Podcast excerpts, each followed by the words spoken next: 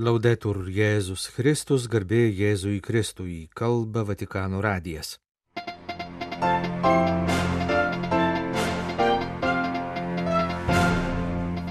Popiežiaus audiencijos ketvirtadienio rytą. Svetingumą ir atvirumą skatinančiai Italų katalikų asociacijai, Italijos draudimo nuo nelaimingų atsitikimų darbe institutui, Šventojo Sosto ir Palestinos dvišalės darbo grupės nariams. Popiežius pasiuntė sveikinimą visos Amerikos teisėjų komiteto surinkto susitikimo dalyviams. Paskelbta didžiosios savaitės ir Velykų popiežiaus pamaldų tvarka. Lietuvos vyskupai buvo susirinkę į plenarinį posėdį. Laidos pabaigoje kalbėsime apie Armėnų apaštališkosios bažnyčios Ečmedzino katedrą ir jos remonto bei restauravimo darbus. Ketvirtadienį kovo 9 dieną popiežius Pranciškus priėmė ugdymo iniciatyvos Svetingumo katedrą sumanytojus ir dalyvius. Šią iniciatyvą vykdo tikinčiųjų asociacija Fraterna Domus - broliškiai namai, kuri buvo įkurta, kad liudytų svetingumo vertybės pagal Šventojios Nazareto šeimos pavyzdį. Sveikindamas savo svečius ir dėkodamas už atvirumo kitų žmonių atžvilgių ir svetingumo imigrantams bei jų integracijos skatinimą, popiežius priminė du svetingumo aspektus, apie kuriuos kalbama jo enciklikoje Fratelli Tutti. Condivido con voi alcune riflessioni facendo riferimento all'enciclica Fratelli Tutti. Svetingumo ir atvirumo kitam žmogui vertybės yra artimo meilės išraiška, sakė Pranciškus. Meilė mus skatina dar daugiau, verste verčia siekti visuotinės bendrystės. Neįmanoma siekti žmogiškumo pilnatvės užsisklendus savyje. Artimo meilė yra dinamiška, ji reikalauja atsiverimo kitiems. Svetingumas ir atvirumas, būdamas meilės išraiška, skatina mus matyti kitą žmogų, jam gero linkėti ir jam padėti. Kitas popiežiaus paminėtas aspektas - tai požiūris į visuomenę, kurios nariai esame, ar nacionalinę bendruomenę, kuriai priklausome, kaip į žmonių šeimą. Atvirumo ir svetingumo priešingybė yra uždaras nacionalizmas, nesugebantis neatlyginamai dalytis su kitu, klaidingai manantis, kad kitas kelia pavojų, nuo kurio reikia saugotis, į imigrantą žiūrintis kaip į uzurpatorių, kuris tik daug reikalauja ir nieko nesiūlo. Tačiau toks požiūris, pasak Pranciškaus, užmiršta esminį kriterijų. Žmogus pats savaime yra vertybė, jo vertingumas nepriklauso nuo jo naudingumo. Kitas nusipelno būti priimtas ne dėl to, ką jis turi ar ką gali duoti, bet dėl to, kas jis yra. Popiežius ragino Fraterna Domus asociaciją ir jos bendradarbius tęsti labai svarbu augdymo darbą ir skatinti prieimimo bei svetingumo kultūrą. Kovo 9 dieną popiežius Pranciškus priemė Italijos valstybinio draudimo nuo nelaimingų atsitikimų darbe instituto delegaciją ir kalbėjo apie tai, koks yra svarbus jo vaidmuo.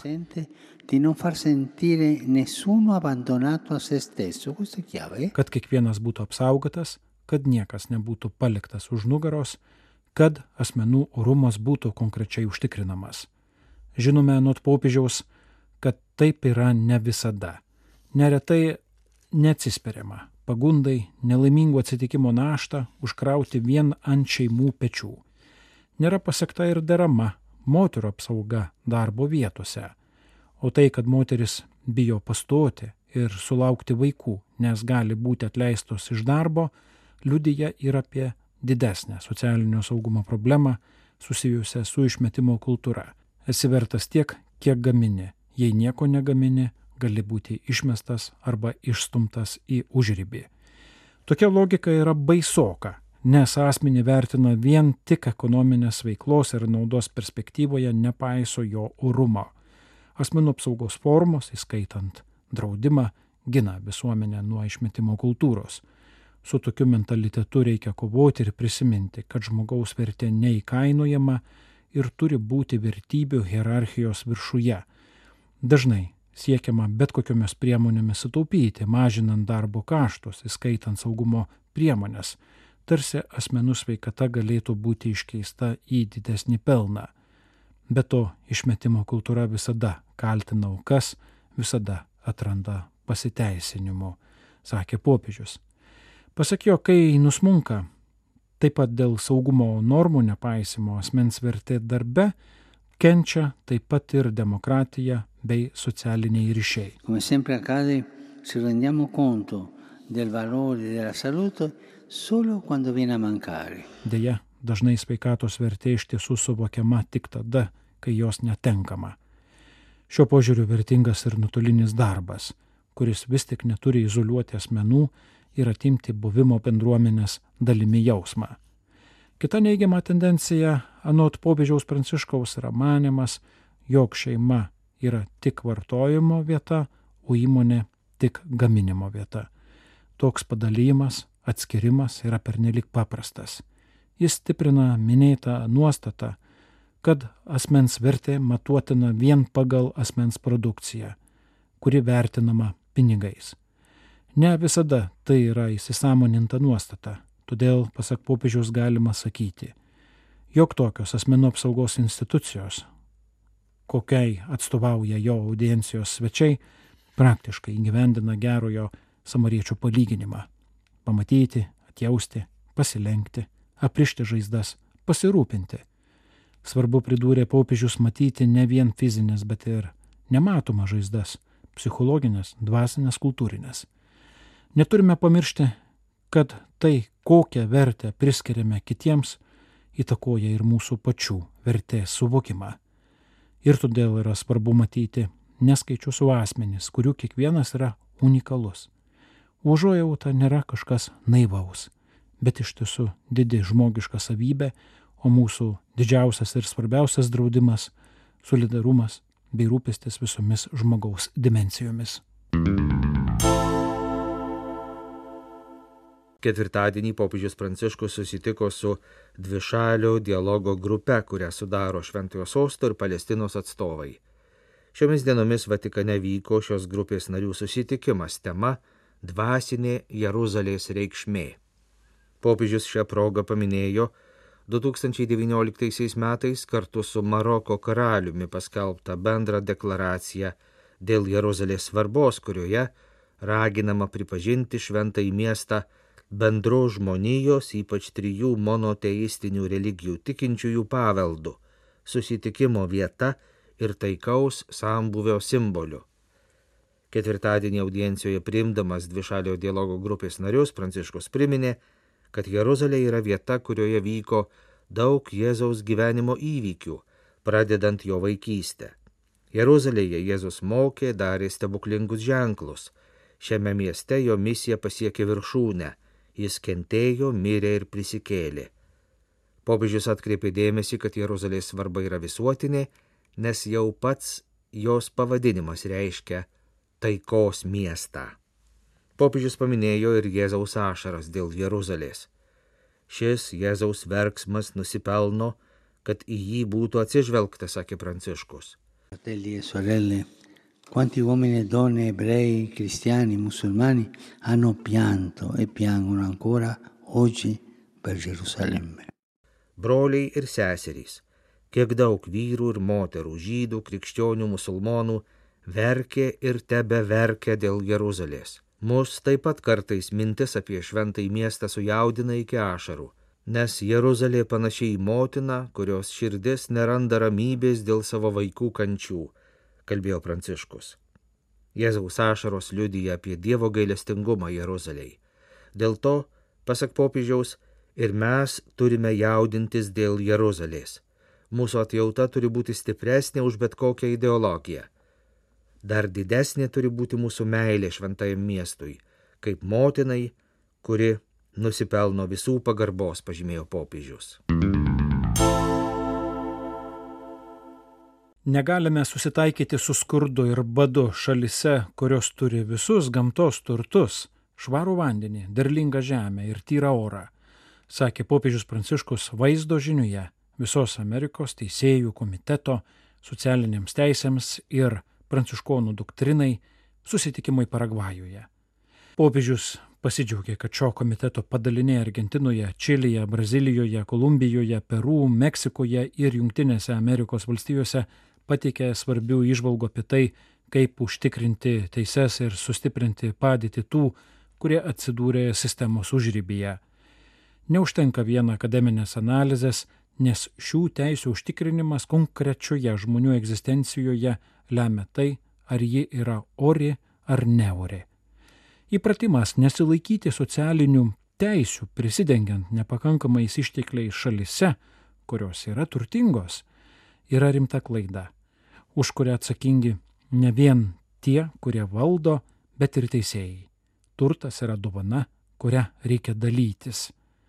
Jo koncentravimas keliuose rankose delegitimuoja bet kurios valstybės ekonominę, politinę ir socialinę santvarką bei kelia pavojų pačiai jos egzistavimo prasmei, pareiškia Pranciškus, pasak kurio ir teisėjai turi kovoti su tokiu struktūriniu neteisingumu, pasmerkiančiu didžiąją visuomenės dalį sąstingiui ir nelaimiai. Sekmadienį balandžio antrą dieną prasideda didžioji savaitė. Popiežius tą dieną Verbų sekmadienio mišes aukos Šventojo Petro aikštėje. Jos prasidės 10 val. Romos laiku. Visų kitų didžiosios savaitės ir Velykų iškilmės apieigų, kurioms paprastai vadovauja popiežius kalendorių, patvirtino popiežiškųjų liturginių apieigų vadovas monsignoras Diego Ravelli. Pranciškus taip pat šiemet Velykų sekmadienio vidudienį suteiks iškilmingą palaiminimą Romos miestui ir pasauliui Urbi et Orbi iš centrinio Vatikano bazilikos balkono. Vatikano medijos popiežiaus kalbą ir palaiminimą transliuos į visą pasaulį. Kaip įprasta, popiežius paskutinės vakarienės mišes su kojų plovimo apieigomis aukos privačiai, todėl šios mišios neminimos liturginių apieigų vadovo paskelbtame komunikate.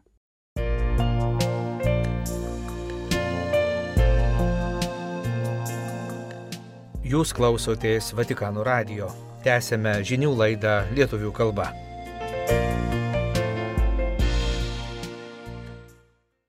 Kovo 7-8 dienomis Vilniuje vyko Lietuvos vyskupų konferencijos posėdis. Daug dėmesio skirta bažnyčios sinodiniam keliui Lietuvos vyskupų konferencijos pirmininkas arkivyskupas Gintaras Grušas ir nacionalinis referentas vyskupas Algirdas Jurevičius papasakojo apie vasario mėnesį Prahoje vykusią sinodo Europos žemyninę asamblėją, ten svarstytas temas. Šių metų gegužės 31 dieną 15 val. Lietuvos vyskupai susirinks Vilniaus aušros vartų šventovėje į maldos valandėlę, kurios metu paves mergelės Marijos globai sinodinį procesą. Dalyvauti šioje maldos valandėlėje kviečiami pašvestojo gyvenimo instituto atstovai bei visi tikintieji. Toliau posėdėje svarstyti užsienio lietuvių katalikų selovados klausimai. Vyskupai patvirtino užsienio lietuvių selovados centro statutą. Per Vilniuje vykusį posėdį kitai trejų metų kadencijai Lietuvos vyskupų konferencijos generaliniu sekretoriumi išrinktas kunigas Kestutis Milgevičius, o Lietuvos karitas generalinė sekretorė Daimantė Bukeikaitė. Popiežiškosios Šventojo Kazimiero Lietuvių kolegijos rektoriumi kitai penkerių metų kadencijai išrinktas kunigas Audrius Arštikaitis. Ganytojai svarstė, kaip Lietuvoje bus švenčiamos 24 valandos viešpačiui. Ketvirtojo gavėnio sekmadienio išvakarėse bei minima maldos už seksualinės prievartos aukas diena penktąjį gavėnio sekmadienį. Plenarinį posėdį užbaigė iš Romos atvykusio arkivyskupo nominato Rolando Makritsko žodis, kuriame jis padėkojo šventajam tėvui už pasitikėjimą, papasakojo apie savo darbą didžiojoje švenčiausiosios mergelės Marijos bazilikoje Romoje bei pakvietė atvykti į vyskupo konsekracijos iškilmes Romoje balandžio 15 dieną.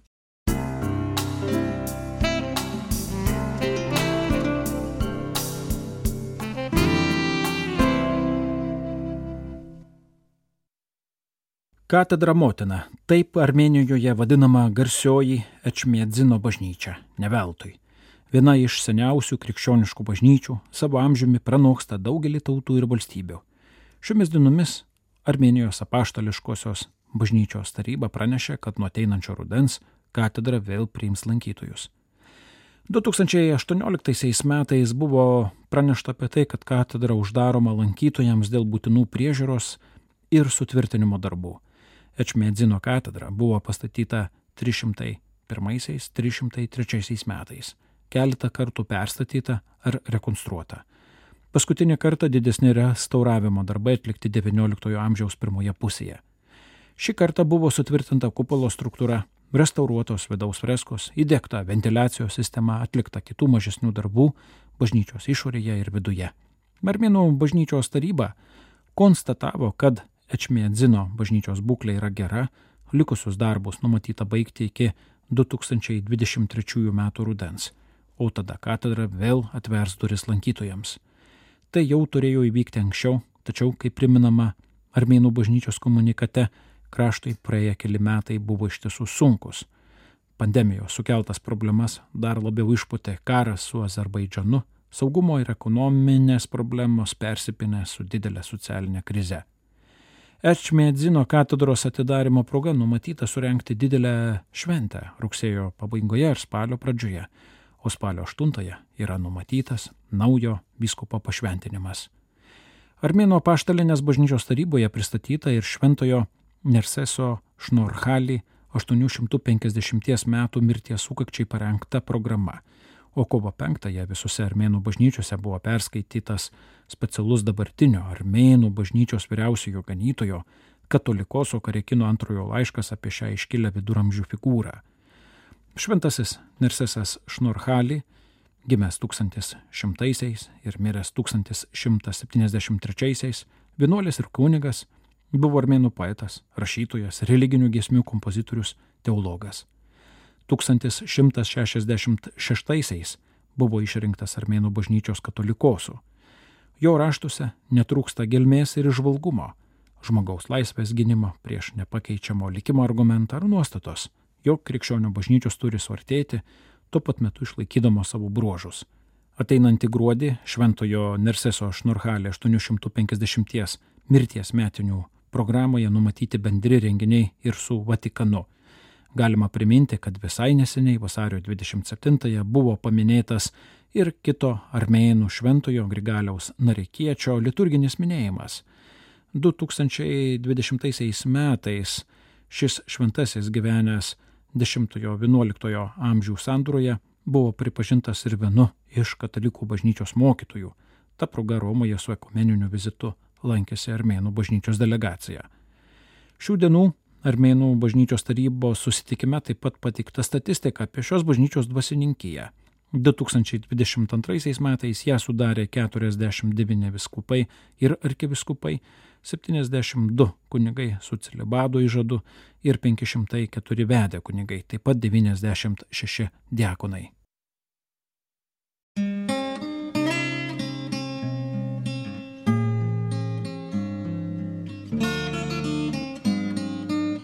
Kalba Vatikano radijas. Laidą lietuvių kalba baigėme. Garbėjai Jėzui Kristui, laudetur Jėzus Kristus.